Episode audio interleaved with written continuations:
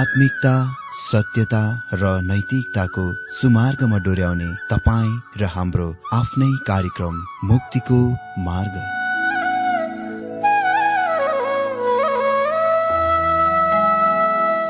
आदरणीय श्रोता यस मुक्तिको मार्ग कार्यक्रममा हार्दिक स्वागत छ। आशा छ यस आत्मिक कार्यक्रमद्वारा जीवनमा आत्मिक आशिष अलौकिक शान्ति र आनन्द प्राप्त गर्नुहुनेछ। र जीवनमा धन्य अनुभव गर्नुहुनेछ। आउनुहोस् श्रोता। मन र आत्माको तयारीको लागि यो मिठो अनि मधुर भजन गीत सुनौ।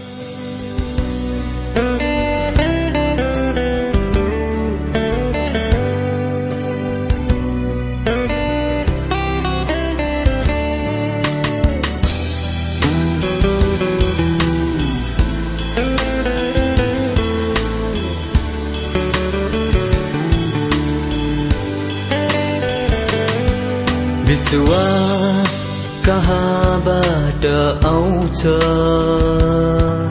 विश्वास सुनाइबाट आउँछ।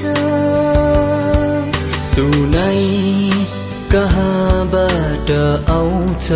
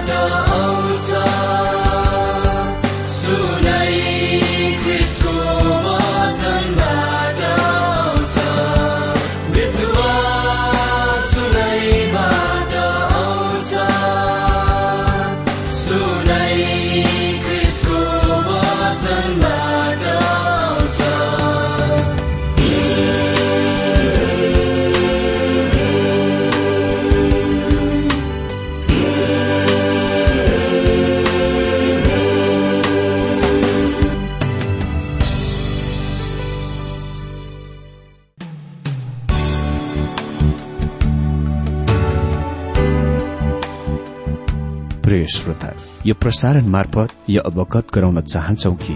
प्रभुको सेवाको लागि यहाँहरूको साझेदारी नित्यन्त आवश्यकता छ। यहाँहरूले प्रार्थनाको साथसाथै आर्थिक सहायता गर्न अनुरोध गर्दछौ। तपाईँहरूको सानो भन्दा सानो भेटी किन नहोस्? हामी प्रभुको नाममा स्वीकार गर्नेछौ प्रभुको सेवाको लागि। तपाईँहरूको यो सानो लगानीले कसैको जीवनमा भिन्नता ल्याउँछ अनि प्रभुको महिमा हुन्छ। प्रभु तपाईँहरूलाई महान गरी आशिष दिनुहुनेछ। इच्छुक श्रोताहरूले तपाईँको इच्छा भेटी हाम्रो ठेगानामा पठाउन सक्नुहुन्छ जुन ठेगाना हामी कार्यक्रमको अन्तमा दिनेछौं। आदरणीय श्रोता मित्र प्रभु येशु ख्रिष्टको मधुर अनि सामर्थ्यनामा मेरो जयमसी। साथै हार्दिक स्वागत छ आजको यो कार्यक्रममा। श्रोता म आशा गर्दछु कि तपाई सबै आज पनि प्रार्थनाको साथ बाइबल अध्ययनको लागि आइपुगिसक्नु भएको छ। म पनि तपाईँहरूसँगै तयारीको साथमा आइपुगिसकेको छु। म विश्वास गर्छु कि आज पनि हामी धेरै कुराहरू धेरै आत्मिक कुराहरू हाम्रो आजको यो बाइबल अध्ययनबाट पनि सिक्न गइरहेका छौं। र परमेश्वरले हाम्रो हृदयलाई आत्मालाई आजको यो बाइबल अध्ययनद्वारा पनि आशिषित तुल्याउनुहुनेछ। धेरै धेरै धन्यवाद तपाईँहरूका सुन्दर पत्रहरूको लागि एसएमएसको लागि फोनको लागि। म आशा गर्दछु कि आउने दिनमा पनि यसरी नै तपाईँहरूले आफ्नो सुझावहरू पत्रहरू अनि इमेल अनि फोन एसएमएस गर्न भुल्नुहुने छैन। जुन हाम्रो लागि पक्कै पनि उत्साहको स्रोत बन्नेछ र यसले अझ हामीलाई परमेश्वरको राज्य विस्तार गर्नको लागि धेरै टेवा पुर्याउनेछ। तपाईँहरूका सहायताको लागि धेरै धेरै धन्यवाद। धेरैले हाम्रो लागि प्रार्थनाको साथसाथै सहायताको हात बढाइरहनु भएको छ। यसले निश्चय नै परमेश्वरको राज्य विस्तारको लागि ठूलो कार्य गरिरहेको छ। धेरै जीवनहरूमा आमूल परिवर्तन भइरहेको छ। जीवन आत्मा परिवारहरू परिवर्तन भइरहेको छ। परमेश्वरको आशिषहरू प्राप्त गरिरहेका छन्। अनि यसबाट निश्चय नै एक दिन परमेश्वरले तपाईँहरूलाई इनाम दिनुहुनेछ। तपाईँहरूको परिश्रम तपाईँहरूको सहायता व्यर्थमा जाने छैन। परमेश्वरले तपाईँलाई तपाईँको परिवारमा पेसामा कार्यमा हरेक क्षेत्रमा पक्कै पनि आशिष दिनुहुनेछ।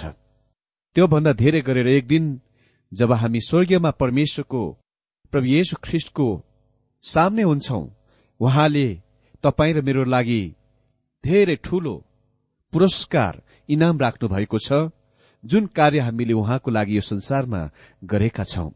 त्यसले गर्दाखेरि दिन प्रतिदिन परमेश्वरको राज्य विस्तारको लागि परमेश्वरको कामको लागि हामी नथाकौं निरन्तर परमेश्वरको काममा लागिरहौं। हुन्छ अब हामी आजको अध्ययन खण्डतिर लागौं। आज हामी प्रकाश आठ अध्यय सात पददेखि तेह्र पदबाट बाइबल अध्ययन गर्न गइरहेका छौं। सर्वप्रथममा हामी देख्छौ पहिलो तुरही रूखहरू जल्यो। प्रकाश आठ अध्ययको सात पदमा यस प्रकार लेखिएको छ पहिला स्वर्गीय दूतले आफ्नो तुरही फुके रगतसँग मिसिएको असिना र आगो आइहालियो र ती पृथ्वीमा बर्छिन लाग्यो अनि पृथ्वीको एक तिहाई भाग रूखहरूको एक तिहाई भाग र सबै हरिया घाँसहरू डढिहाले। यो परमेश्वरबाट दण्ड न्याय वनस्पति संसारमाथि पनि खस्छ। घाँसहरूदेखि विशाल रूखहरूमाथि प्रत्येक प्रकारका वनस्पति जीवहरूमाथि सर्वप्रथममा प्रभावित हुँदछ असर हुँदछ। तर यो कुराको याद राखौं कि यो जल्ने काम खालि एक त्याही भाग मात्र हो तर यसले पृथ्वीमाथि अति नै ठूलो आघात पुर्याउनेछ। आगो महान शत्रु त्यो साधन हो जुन परमेश्वर प्रयोग गर्नुहुन्छ। जल प्रलयलाई प्रथम विश्वव्यापी दण्डमा इन्साफमा प्रयोग गरियो। अहिले यो आगो हुन गइरहेको छ। यो पृथ्वी आगोद्वारा शुद्धिकरण गरिनु पर्दछ। जंगलहरू र घाँसहरूले ढाकेका विस्तृत मैदान अंशिक रूपमा आगोद्वारा विध्वंस गरिनेछ। पृथ्वीको एक तिहाईले यो सूचित गर्दछ कि त्यस आगोले एकदम ठूलो क्षति नोक्सान पुर्याउनेछ। वनस्पति जीवन पहिले सृष्टि गरिएको थियो अनि वनस्पति जीवन पहिले नै नष्ट गरिन्दछ। उत्पत्ति एक अध्यायको एघार पदमा दिइएको रेकर्ड अनुसार भौतिक विश्वमा वर्ग व्यवस्था ल्याइसकेपछि वनस्पति जीवनको सृष्टिसँग आरम्भ गर्नुभयो। प्रस्थान नौ अठारदेखि छब्बीस पद अनुसार मिश्रको सात महामारी अक्षरस वा साँच्चीकै थिए त्यस्तै गरी वनस्पति जीवनमाथि अक्षरस वा साँच्चीकै दण्ड खस्नेछ। मैले अघिल्लो दिनमा तपाईँहरूलाई यो तथ्यको बताएको थिएँ कि मिश्रमा महामारीहरू र तुरही दण्डहरू बीचमा एकदम समानता छ। त्यो कुनै आकस्मिकता वा संजोग होइन। यदि तपाईँ प्रस्थानको पुस्तकतिर फर्की जानुहुन्छ भने तपाईँ देख्नुहुनेछ कि महामारीहरू अक्षरस वा यथार्थ वा साँच्चीकै हुन्। र बाइबलमा प्रत्येक विश्वासीहरूले त्यसको सत्य मान्नै पर्छ। र सत्य मान्दछन् भने तपाईँले प्रकाशका पुस्तकका यी महामारीहरूलाई उही तरिकामा सत्य मान्नुपर्छ। जब मिश्रमाथि असिना खसियो हामीलाई भनिएको छ प्रस्थान नौ अध्ययको पच्चिस पदमा अनि असिनाले सारा मिश्रभरिका मैदानका मानिस र पशु दुवैलाई चुट्यो। त्यो मिश्रमा शत प्रतिशत विध्वंस थियो। यो प्रहार पृथ्वीको एक तिहाईमा हुनेछ। त्यसपछि हामी देख्छौ दोस्रो तुरही समुद्र रगत बन्दछ। आठ अध्ययको आठ र नौ पदमा लेखेको छ दोस्रो स्वर्गीय दूतले आफ्नो तुरही फुके र आगोले जलिरहेको एउटा ठूलो पहाड़ जस्तो समुद्रमा फालियो र समुद्रको एक तिहाई भाग रगत बन्यो अनि समुद्रमा भएका जीवित प्राणीको एक तिहाई भाग मरे र जहाजहरूको एक तिहाई भाग नष्ट भए। पृथ्वीको प्राय धेरै क्षेत्र ओगट्ने समुद्र यो परमेश्वरको सिधै न्याय इन्साफ वा दण्डद्वारा असर गरिनेमा दोस्रो स्थानमा छ।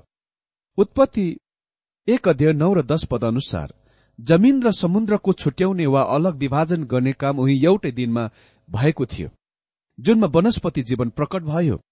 म तपाईँलाई यो कुराको ध्यान दिएको चाहन्छु। यहाँ एकदम सही भाषाको प्रयोग गरिएको छ। युहान्नाले भन्दैनन् कि जलिरहेको पहाड़ वा डाँडालाई समुद्रमा फ्याँकियो। बरु उसले यो संकेत गर्दछ कि महान विशाल पुञ्ज पिण्ड मानव आगोले बलिरहेको एउटा ठूलो पहाड़ जस्तै छ। त्यसलाई समुद्रभित्र फ्याँकियो। यो मानव ठूलो पहाड़ जस्तै थियो। जबकि विशेष गरेर प्रकाशको पुस्तकमा हरेक कुरालाई एकट्ठा एकसाथमा मिलाउने आम अभ्यास हुने भएकोले गर्दा र यसलाई प्रतीकात्मक संकेतमाक भनिने भएकोले गर्दा भाषाको प्रयोगमा होसियारी साथ भेदको अन्तरको ध्यान दिनु पर्दछ तपाईँ सोच्नुहुँदो यसले तपाईँ संकष्टबाट बाहिर निकाल्नेछ तर यसले तपाईँलाई भुटिरहेको कराईबाट तल आगोभित्र झार्दछ। पहाड़ले अक्षरस शाब्दिक र वास्तविक ठोस कुराको प्रतिनिधित्व गर्दछ जस्तो कि यो हामीसँग यर्मिया एकाउन्न अध्यायको पच्चिस पदमा छ जहाँ परमेश्वर परमप्रभु बाबेलको बारेमा कुरा गरिरहनु भएको छ हे नाश गर्ने पहाड़ जसले सारा पृथ्वीलाई नाश गर्दछ म तेरो विरुद्धमा छु। परमप्रभु भन्नुहुन्छ म मेरो हात तेरो विरुद्धमा पसार्नेछु र तँलाई भीरबाट तल खसालिदिनेछु र तँलाई डडेलो आगोको पहाड़ तुल्याइदिनेछु। यो अक्षर साँच्चीकै पिण्ड वा पुञ्ज। अक्षरस समुद्रमा साँच्चीकै समुद्रमा खस्दछ। एक तिहाई भाग साँच्चीकै अक्षरस वा साँच्ची नै रगत बन्दछ अनि साँच्चीकै समुद्रमा बस्ने साँच्चीकै एक तिहाई प्राणीहरू साँच्चीकै मृत्यु मर्नेछ। यो भन्दा एक स्पष्ट वर्णन कुनै कुरा छैन। साथै सबै साँच्चीकै राष्ट्रहरूका साँच्चीकै अक्षरस साँच्चीकै जहाजहरू साँच्चीकै रूपमा साँच्ची नै नष्ट गरिन्दछ। यदि हामी युहान्नालाई उसको वा उसले इरादा गरेको वा चाहेको कुरा भन्न दिए उसले यसको एकदम स्पष्ट पार्दछन्। त्यहाँ यसको लागि केही प्रतीकहरू खोजिराख्नु पर्ने कुनै आवश्यक छैन। युहान्ना भन्दैनन् कि यो प्रतीकात्मक हो।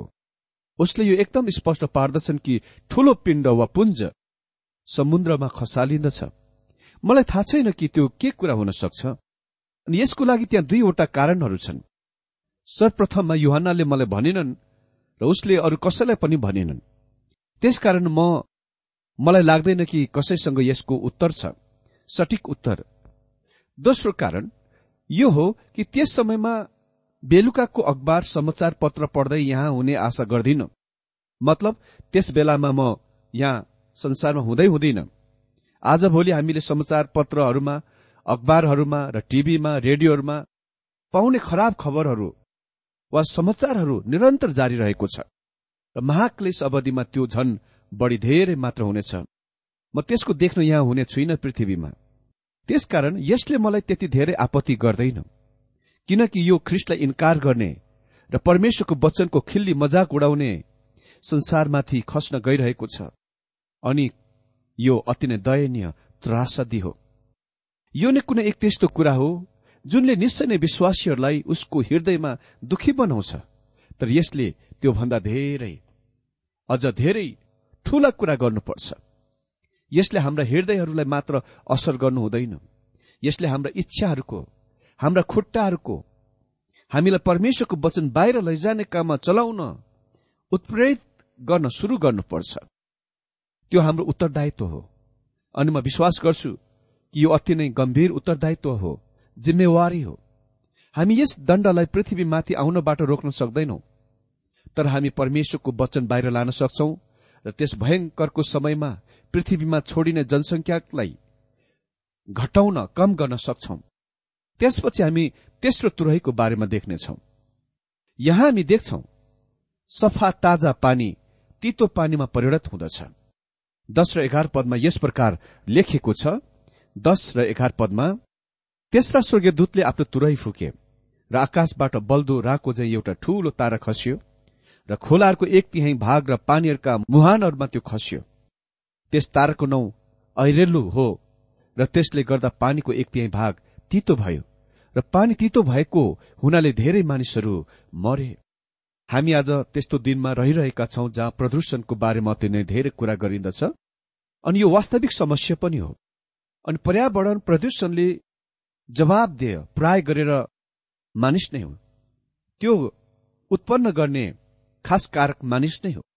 व्यक्तिगत रूपमा म सोच्दछु कि मानिस संसारको पानीको सफा गर्न विवश गरिनेछ यदि उनी अस्तित्वमा रहिरहन चाहन्छ भने। आत्मरक्षा प्रकृतिको पहिलो व्यवस्था विचार गर्नुपर्दछ र मानिस यो सानो पृथ्वीमा रहिरहन चाहन्छ त्यसकारण उसले यसको बारेमा केही गर्न पर्नेछ। महासंकष्टमा ताजा पानी प्रदूषित हुँदछ र मानव जातिको लागि पिउने पानी दूषित हुन्छ। त्यो एक तिहाई भाग त्यस्तो हुनेछ। आज विश्वका धेरै ठूला सहरहरूले पिउने र घरायसी प्रयोगको लागि पानीको अभावको सामना गरिरहेका छन्। अरू त के हाम्रो देश काठमाडौँमा? यसको समस्या गम्भीर छ। मित्र ताजा पानी मानव जाति र पशुको लागि एकदम महत्वपूर्ण र अति आवश्यक कुरा हो। ताजा पानी जीवित रहनको लागि अति नै जरुरी कुरा हो। जब इसरायलका सन्तानले लाल समुद्र पार तरे तिनीहरू मारामा आए जहाँ पानीहरू तिता थिए। मोसालाई एउटा बोट बिरुवाको लिएर त्यसलाई पानीमा फ्याँक्न निर्देशन दिए ताकि पानी मिठो बन्न सकोस्। यहाँ प्रकाशमा मिठो पानी आकाशको ताराद्वारा तितो बनाइयो। मोसाले पानीमा हालेको बोट वा रुखले ख्रिस्टको क्रुसको बताउँछ। तितो पानी यो नाम भिन्सेन्टको अनुसार पुरानो नियममा रूपकको रूपमा वा अलंकारिक रूपमा निम्न तरिकामा प्रयोग गरिएको छ। पहिलो व्यवस्था उन्तिस सध्यको अठार पद अनुसार इसरायलको मूर्ति पूजा। दोस्रो यर्मिया नौ अध्यय पन्ध्र र तेइस अध्ययको पन्ध्र बिलाप तीन अध्ययको पन्ध्र र उन्नाइस पद अनुसार विपत्ति र दुःख। तेस्रो आमोस पाँच अध्ययको सात पद अनुसार झुट्टा न्याय। हजुर यो तारा साँच्चीकै तारा अर्थात् विष रहेको तारा हो। विष सहितको तारा हो जुनले पृथ्वीका ताजा पानी आपूर्तिको एक तिहाईलाई प्रदूषित पार्दछ। ताराको नामले यो राय दिन्छ कि यो प्रतिमा पूजा र अन्यायको लागि मानिसमाथि दण्ड हो। महान विपत्ति र दुःख प्राकृतिक क्षति पूर्तिहरू हुन् जुन यो दण्डको कारण मानिसमाथि आइरहेका छन्। त्यसपछि हामी देख्छौ चौथो तुरही। सूर्य चन्द्र र तारा माथि प्रहार। बाह्र पदमा यस प्रकार लेखिएको छ। बाह्र पदमा चौथा स्वर्गीय दूतले आफ्नो तुरही फुके र सूर्यको एक तिहाई भागमाथि प्रहार गरियो र चन्द्रमाको एक तिहाई भागमाथि र ताराहरूको एक तिहाई भागमाथि पनि प्रहार भयो र तिनीहरूका प्रकाशको एक तिहाई भागलाई अन्धकारले छोप्यो। तब दिनको एक तिहाई ज्योतिविहीन भयो त्यसरी नै रातको एक तिहाई पनि। मित्र यो पृथ्वीमा मानिसहरू जीवन र ज्योतिको लागि आश्रित हुनुपर्ने कुरा सूर्य हो। चन्द्र र ताराहरूमा मानिसहरू अति नै कम आश्रित हुन्छन्। सृष्टिको चौथो दिनमा यी सूर्य चन्द्र वा तारा प्रकट भएको थियो। तिनीहरूलाई अघि वा पहिले सृष्टि गरिएको थियो। तर तिनीहरूले ज्योति चाहिँ चौथो दिनमा दिन थाले। अहिले ज्योति निभाइयो र पृथ्वीको तेस्रो भाग अन्ध्यारो भयो र दिनको तेस्रो भाग उज्यालो भएन र यही प्रकारले रात तिनीहरू चाहिँ चिन्हहरू र अनुकूल समयहरूका लागि हुनुपर्ने थिए। प्रभु येशुले संकेत गर्नुभयो कि महाक्लेशमा यी सूर्य चन्द्र तारा र ग्रहहरूमा विशेष चिन्हहरू हुने थिए। मती चौबिस अध्यय उन्तिस पदमा ती दिनहरूको संकष्टपछि तुरुन्तै सूर्य अन्ध्यारो हुनेछ र चन्द्रमाले आफ्नो उज्यालो दिने छैन अनि ताराहरू आकाशबाट खस्नेछन् र आकाशका शक्तिहरू हलाइनेछन्। यो प्राकृतिकको नियम व्यवस्था यी खलबलीहरूद्वारा मूलभूत रूपले हेरफेर गरिएको छ।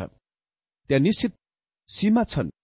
केवल ज्योतिको तेस्रो भाग र दिनको तेस्रो भाग मात्र प्रभावित गरिएको छ। ज्योतिको विद्युत शक्तिको तीव्रतामा एक त्याई घटाइएको छ। आज ऊर्जाको अभावको विचार गरौं। मलाई विश्वास गर्नुहोस् एक दिन पृथ्वीमा सम्पूर्ण ऊर्जाहरू खत्तम हुन गइरहेको छ। यस स्थितिमा आउन गइरहेको छ।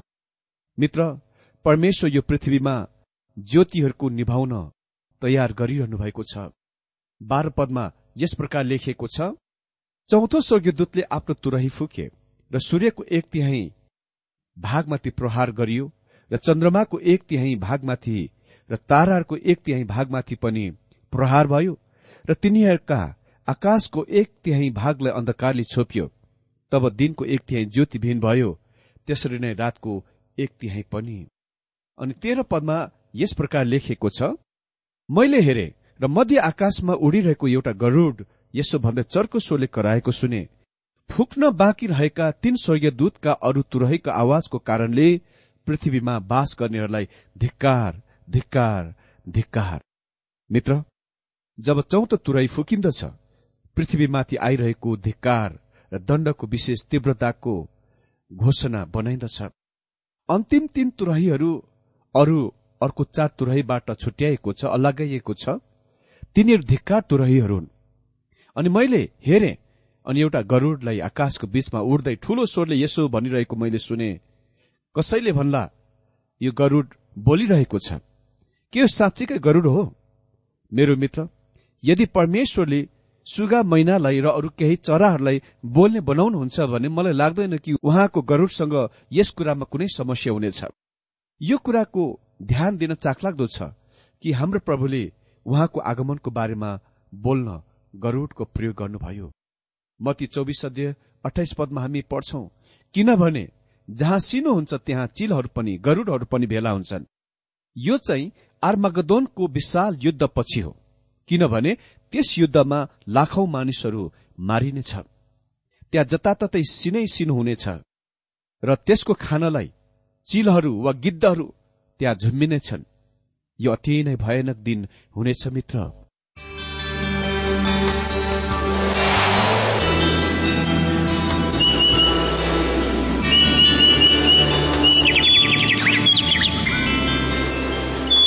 प्रिय श्रोता अहिले भर्खरै तपाईँले टीडब्ल्यूआर नेपालद्वारा सञ्चालित आत्मिक कार्यक्रम मुक्तिको मार्ग सुनिरहनु भएको थियो। श्रोता आजको यो कार्यक्रम सुनेर तपाईँलाई कस्तो लाग्यो? यदि यो कार्यक्रम सुनेर मनमा कुनै खुल्दुली वा कुनै प्रतिक्रिया अर्थात सुझावहरू छन् भने हामीलाई पत्रद्वारा लेख्न सक्नुहुनेछ।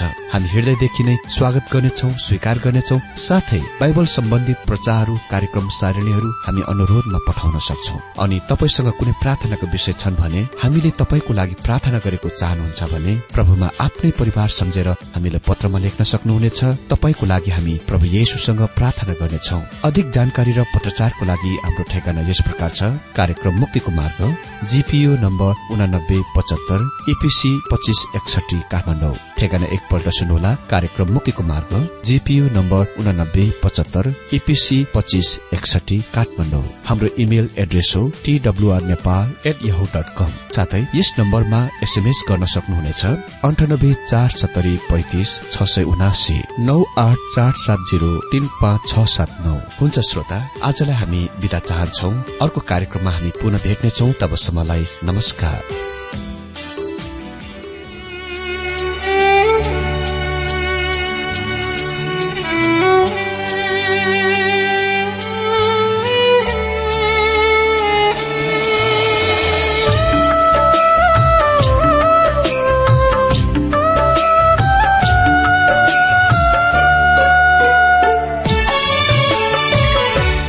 मनको घाउ निको हुन्न मनमै राखेर यसुलाई भन्नु पर्छ सङ्कोच नमानेर। उनैले नै निको पार्छन् हृदयको घाउ। माया गरी सबलाई भन्छन् म कहाँ आऊ? माया गरी सबलाई भन्छन् म कहाँ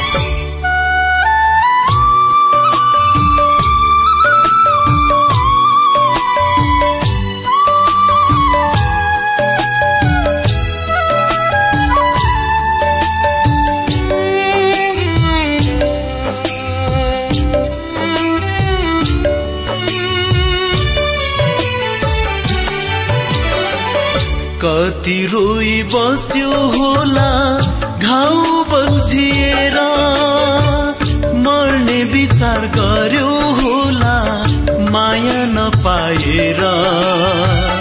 कति रोई बस्यो होला घाउ बल्झिएर मर्ने विचार गर्यो होला माया नपाएर।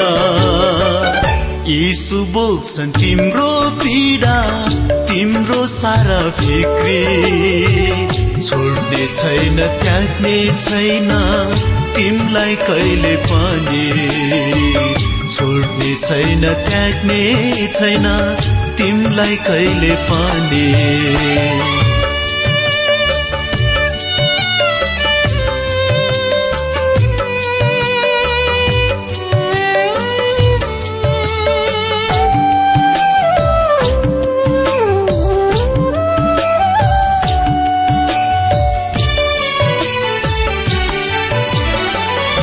मनको भारी बिसाउने ठाउँ खोज्यो होला। छटपटीमा आफ्नो छाती कति पिट्यो होला। मनको भारी बिसाउने ठाउँ खोज्यो होला। छटपटीमा आफ्नो छाती कति पिट्यो होला।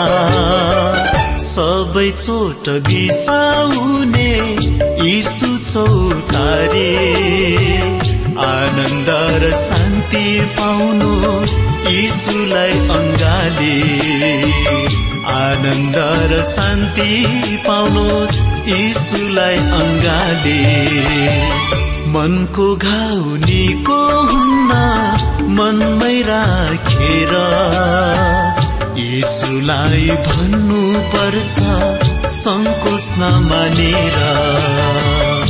उनैले नै निको पार्छन् हृदयको घाउ।